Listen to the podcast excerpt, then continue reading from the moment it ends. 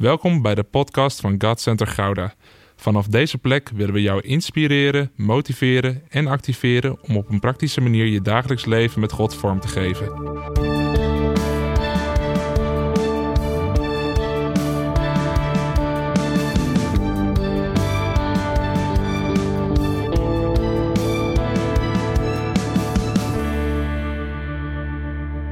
Hoi en wat leuk dat je luistert naar deze podcast. Mijn naam is Nienke en ik ben de komende drie podcasts jullie host. Ik mag jullie meenemen op een reis terug naar het paradijs. Ons leven lijkt alles behalve op een prachtige tuin waarin we kunnen chillen. Toch geloof ik dat de eerste twee hoofdstukken van Genesis, nog voor de zondeval in Genesis 3, krachtige dingen vertellen over het hoe en waarom van ons leven als mensen.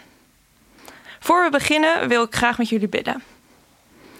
Heer, dank u voor uw schepping. Dank u dat u ons heeft gemaakt, dat we gemaakt zijn om op u te lijken, dat uw levensadem in ons leeft. Spreek vandaag door mij heen, maak ons hart zacht om te horen wat u tegen ons zegt. Raak ons persoonlijk. Kom met uw geest van leven, Heer. Amen. Je leerde het vroeger al op de zondagschool. In het begin schiep God de hemel en de aarde. Op de zesde dag schiep hij jou en zag hij dat je zeer goed was. Het is de korte geschiedenis van hoe de mensen, jij en ik, zijn ontstaan. We zijn geschapen. Laten we het in het midden laten of dit letterlijk in zeven dagen was en waarin de God de aarde schiep, hoe dat precies is gebeurd. Maar laten we ons richten op het verhaal. Jij bent geschapen door God. Maar hoe en waarom?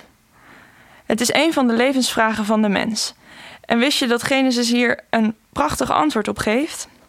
In deze serie gaan we kijken naar het verhaal van de mens voor de zondeval. Je zou kunnen zeggen, ons eerste en perfecte ontwerp voor het leven. Ons original design, zonder onze menselijke fouten en aanpassingen. Vandaag duiken we in, de eerste in het eerste ontstaan, zoals het wordt omschreven in Genesis 1 en 2.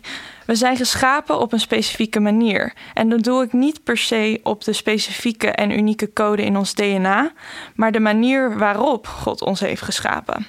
Wat deed hij eigenlijk? Wat zegt dit over hem? En wat zegt dit over het eerste perfecte beeld wat God voor ons had? Ons doel, onze bedoeling als mensheid. We hebben ons leven volgens het scheppingsverhaal uit Genesis 2 te danken aan God die zijn geest in ons blies, als onze levensadem. Hij knielde neer in het stof waar het woord barak voor wordt gebruikt in het Hebreeuws. Het is een ander woord voor aanbidding. Hij schiep ons als een daad van aanbidding. Hij ging voor ons door het stof om ons als mensen leven te geven. Net als dat, als dat Jezus later door het stof ging om ons leven te geven. Hij trekt ons, zoals ook een psalmist bezingt in Psalm 40, op uit het slijk. Hier staat: Hij trok mij op uit de kuil van het graf, uit de modder, uit het slijk. Hij zette mij neer op een rots, een vaste grond voor mijn voeten. God de Vader gaat voor ons door het stof om ons leven te geven. En onze rots, dat is Jezus en Gods woord. Daar mogen we op bouwen. Onze levensadem is zijn geest, zijn ruach, zoals in het Hebreeuws staat. Deze ruach is dus door God in de mens geblazen. En hoe blaas je adem in iemands longen? Door je lippen op die van de ander te leggen. Deze intieme levenskus was een kus als in een sprookje. Iemand wordt wakker en uh, ontwaakt, als het ware, in een nieuw leven. Wij zijn tot leven gekomen door de intieme levenskus van God, geschapen in intimiteit en aanbidding. Laten we verder duiken in het scheppingsverhaal. Ik lees met jullie uit Genesis 1, vers 26 tot 31. God zei: Laten we mensen maken die ons evenbeeld zijn, die op ons lijken. Zij moeten heerschappij voeren over de vissen van de zee en de vogels van de hemel, over het vee, over de aarde en over alles wat daarop rondkruipt. God schiep de mens als zijn evenbeeld. Als evenbeeld van God schiep hij hem. Mannelijk en vrouwelijk schiep hij de mensen. Hij zegende hen en zei tegen hen: Wees vruchtbaar en word talrijk. Bevolk de aarde en breng haar onder je gezag. Heers over de vissen van de zee, over de vogels van de hemel en over alle dieren die op aarde rondkruipen. Ook zei God: Hierbij geef ik jullie alle zaaddragende planten en vruchtbomen op de aarde. Dat zal jullie voedsel zijn. Aan de dieren die in het wild leven, aan de vogels van de hemel en aan de levende wezens die op de aarde rondkruipen, geef ik de groene planten tot voedsel. En zo gebeurde het. God keek naar alles wat hij had gemaakt en zag dat het zeer goed was. Het werd avond, het werd morgen, de zesde dag. De kernelementen uit de tekst die we net lazen uit Genesis zijn: we zijn naar het evenbeeld van God geschapen, we zijn gemaakt om te heersen en we zijn gezegend met vruchtbaarheid. Als eerste belangrijke eigenschap van de mens komt naar voren dat wij naar het evenbeeld van God zijn geschapen. We zijn geschapen door een schepper, wat maakt dat wij ook geschapen zijn om te scheppen. Wacht, herhaal dat even. Jij bent geschapen door een schepper, wat maakt dat jij ook geschapen bent om te scheppen. In het Engels ligt het woordje voor schepper, creator, heel dicht bij het woord voor creatief, creative. Jij bent creatief, een creator, een maker, een creatieveling. Misschien denk je nu, maar Nienke, ik kan niet tekenen en heb na mijn basisschooltijd geen vingerverf meer aangeraakt. Ik ben niet creatief en ik hou ook helemaal niet van kunst. Ten eerste, in mijn persoonlijke mening is dat niet zo. Heb je waarschijnlijk gewoon niet echt de kunst gevonden die echt goed bij jou past. Maar goed, ik kom jullie geen museumjaarkaart verkopen. Ik wil me richten op iets anders. Namelijk, jij bent wel creatief. Je bent gemaakt naar het evenbeeld van een creatieve God. Dat maakt jou creatief. Je bent gemaakt naar het evenbeeld van een schepper. Dat maakt jou een schepper. Kijk maar om je heen. Zie de natuur, zie de seizoenen, de kleuren, de geuren, zie de mensen op straat en in de kerk. Ik bedoel, je kan aan alles zien hoe creatief God was, want sommige schepsels zijn wel heel bijzonder. Jij bent creatief, omdat jij in staat bent eindeloos dingen te maken. Hoe creatief moet jij wel niet zijn om als verkoper goed je klant, met je klanten om te gaan en je producten aan de man te hebben? Hoe creatief moet je zijn als ouder om je kind stil te houden tijdens een lange autorit? Hoe creatief moet je zijn als jeugdleider? Hoe creatief moet je zijn om goede gesprekken te voeren en op de juiste manier oplossingen te vinden als je een coach of een therapeut bent? En zo kan ik nog wel bij elk beroep opnoemen waarom jij creatief bent. Bij alles wat jij doet in het leven ben je bezig met het maken van dingen. Misschien dan niet fysiek, misschien is het wel gewoon in je hoofd. Heb je nieuwe ideeën over hoe je kan reageren of hoe je met een situatie om moet gaan. Jij kan liefde en blijdschap en vrede en nog heel veel andere vruchten van de geest voortbrengen, creëren, toevoegen aan deze aarde. Jij bent in staat om een nieuwe aarde, een nieuwe wereld te scheppen en daaraan bij te dragen in deze gebroken wereld. Je mag namelijk Gods koninkrijk verspreiden, aan zijn koninkrijk bouwen en jij werkt mee als architect. Je bent niet alleen de architect, maar je hebt in dat koninkrijk, in Gods schepping, nog een veel belangrijkere rol. God was zeer tevreden over zijn creatie. We zijn als mensen de kroon op zijn schepping, maar dit verhaal bevat nog meer koninklijke elementen. Zo wordt het woord voor heersen en laat de aarde zich aan jou onderwerpen gebruikt. Voor de originele Hebreeuwse lezers wordt het woord voor heersen meteen in verband gebracht met iets koninklijks. Iets wat hoort bij iemand die van een speciale familie komt en die door God is uitgekozen. God is de hoogste koning, maar als zijn evenbeeld met de opdracht om te heersen, zijn wij eigenlijk ook koninklijk. We zijn onderkoning, kroonprinses, royalty. Maar hoe ziet dat heersen eruit? In de Bijbel vinden we eindeloze lijsten van allerlei koningen en koninginnen. Er worden vaak eigenschappen van hen genoemd en de manier waarop zij heersten. Hij heerste goed, hij heerste slecht, hij was hebzuchtig, hij was wijs, hij diende God, hij ging voor zijn eigen eer, hij behandelde zijn volk goed, maar ook heel vaak hij behandelde zijn volk slecht. En ga zo maar door. Er worden eigenschappen gegeven aan die koningen. Maar wat voor koning of koningin ben jij? Op welke manier heers jij over de aarde? Wie dien jij met die heerschappij? Koning ik of de hoogste koning? De koning der koningen, Jezus. Het interessante is dat ondanks dat de Hebreeuwse lezer meteen bij het woord heersen aan een koning denkt, God zelf eigenlijk niet zo'n fan was van koningen. Hij had het volk Israël in eerste instantie zonder aardse koning geschapen, omdat hij de enige koning was die we nodig zouden moeten hebben. Zijn regels zijn perfect, dus waarom hebben we dan iemand nodig die nieuwe regels maakt? Maar het volk van Israël eiste dat ze een koning kregen en dus gaf God hen eigenlijk een soort van hun zin, kregen ze een koning. Die koning moest dan wel door God worden aangesteld en de koning moest God dienen. En daar ging het heel vaak mis. De koningen dienden heel vaak niet God, maar zichzelf en ze joegen hun eigen rijkdom en status na. Het viel je dan misschien ook wel op dat in het lijstje met eigenschappen dat ik net noemde, er maar weinig koningen waren die positieve eigenschappen hadden. Wij zijn dus gemaakt om over de schepping te heersen als een koning. Maar niet een aardse koning, maar een koning die lijkt op God. Niet om de schepping te verwoesten, maar om het op te bouwen. Het kan goed zijn om een keer na te denken over de manier waarop jij omgaat met de schepping. Ze noemen dit met een moeilijk woord ook wel rentmeesterschap. Hoe zorg jij voor de wereld die we van God hebben gekregen? Staat jouw eigen gemak daarin voorop of mag het je ook wat kosten? Moeite of in sommige gevallen ietsjes meer geld? Kan jij dienend lijden zoals Jezus dat ons heeft laten zien? In mijn eigen leven, voordat ik tot geloof kwam en met Jezus ging leven, koos ik, net als iedereen eigenlijk, vooral voor mezelf. Ik had zo geleerd om te leven dat ik anderen geen kwaad of geen pijn deed.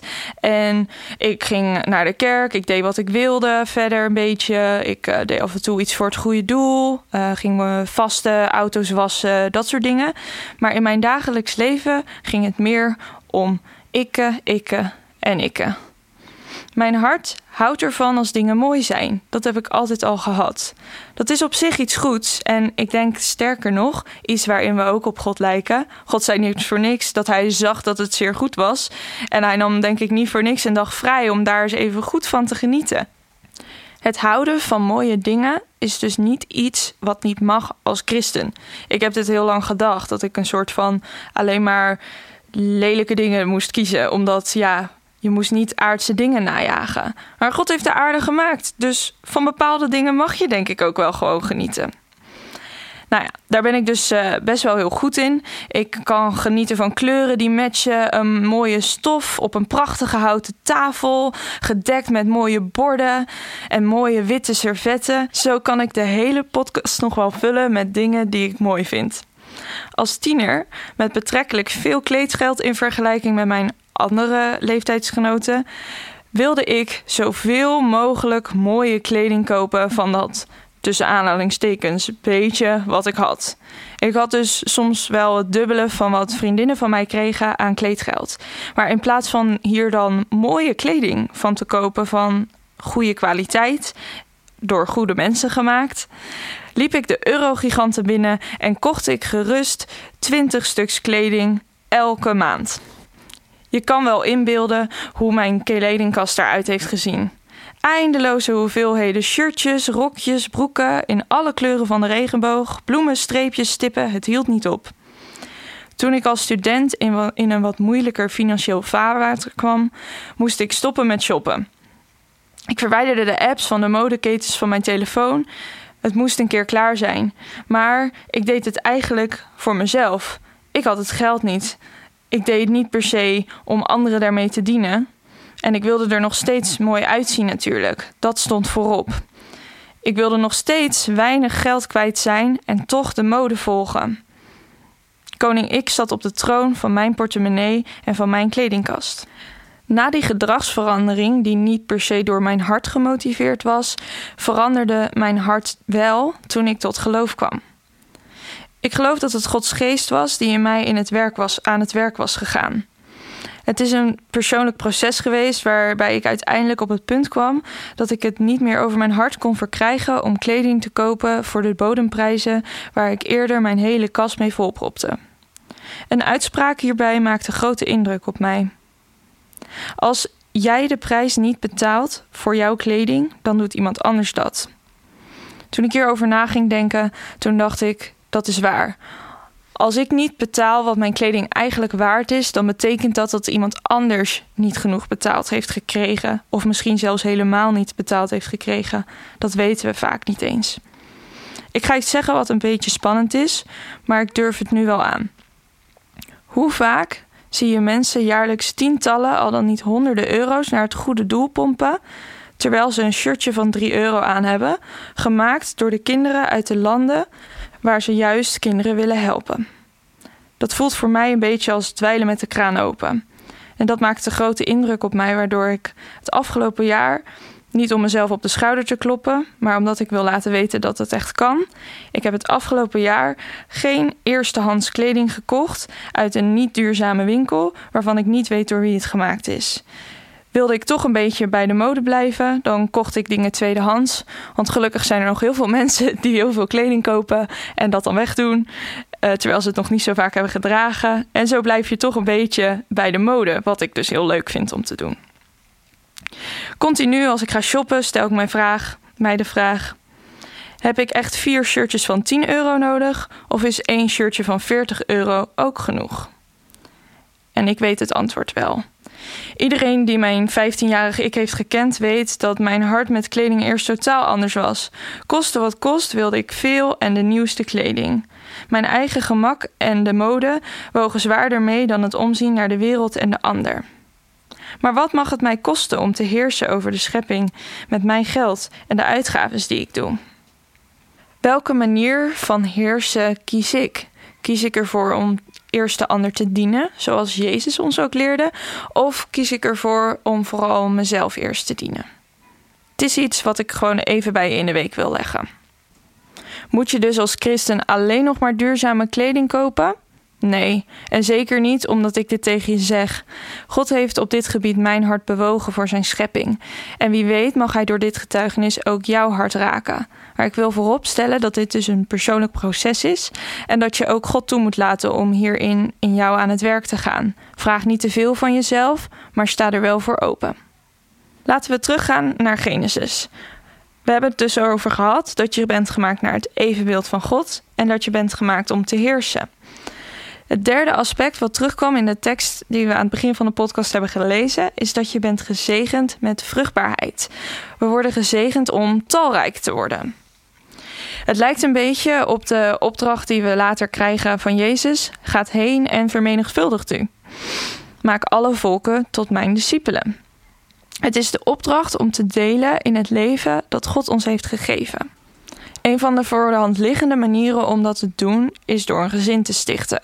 Nou, die opdracht nemen we in onze gemeente best wel serieus. Kijk maar naar alle grote gezinnen waarmee de gemeente gezegend is. De kinderkerk borst uit zijn voegen. En een vrouw die in Nederland gemiddeld 1,57 kind krijgt. Wat me best lastig lijkt. Het lijkt wel dat verhaal van koning Salomo en die moeders en die baby's en, en die door het midden worden gehakt. In onze kerk krijgen vrouwen gemiddeld, denk ik, eerder drie of misschien wel vier baby's. Maar de familie van God bestaat uit veel meer dan alleen biologische baby's. We zijn een geestelijke familie en we hebben geestelijke vaders, moeders, zonen, dochters, broers en zussen. Tegelijk zijn we allemaal broers en zussen, kinderen van God, geschapen door Hem. Het leven dat Hij geeft, mogen wij doorgeven. Door het leven te geven zal de familie groeien. We zullen heersen over de aarde zoals Hij voor ogen heeft. In het Oude Testament wordt in verschillende teksten gesproken over Jezus' komst, de komst van de Messias. Hij zal dan heersen over alle volken samen met het volk van God. Ook wordt dit later nog herhaald in het Nieuwe Testament. Wij zullen met Hem heersen, met Jezus, met God, als een soort koninklijke familie aan het hoofd van het Koninkrijk van God. We mogen invloed uitoefenen en zoals ik al eerder zei, een nieuwe wereld creëren als evenbeeld van de schepper. We hebben het nu gehad over het hoe en het waarom van jouw schepping. Het was dan weliswaar geen lesje biologie, maar je weet nu hoe mensen zijn ontstaan en hoe echt leven ontstaat door Gods levenskus. Je hebt geleerd dat je bent geschapen als Gods evenbeeld, als creatieveling, en dat je gemaakt bent om koninklijk te heersen en om Gods familie verder uit te breiden. Maar hoe moeten we dat dan doen, dat leven? Volgende week hoor je meer over de zegeningen die we als creatie van God meekrijgen in ons leven? Hoe kan je jouw werk, rust en relaties inrichten zoals God het in het eerste ontwerp van het menselijke leven heeft gelegd? Adam en Eva hadden immers geen baan en alleen een relatie met elkaar om te onderhouden, geen social media en andere afleidingen waar wij vandaag de dag last van hebben. Ben jij benieuwd naar hoe je paradijselijk kunt leven terwijl het leven alles behalve op het paradijs lijkt? Luister dan volgende week naar de podcast. Tot dan!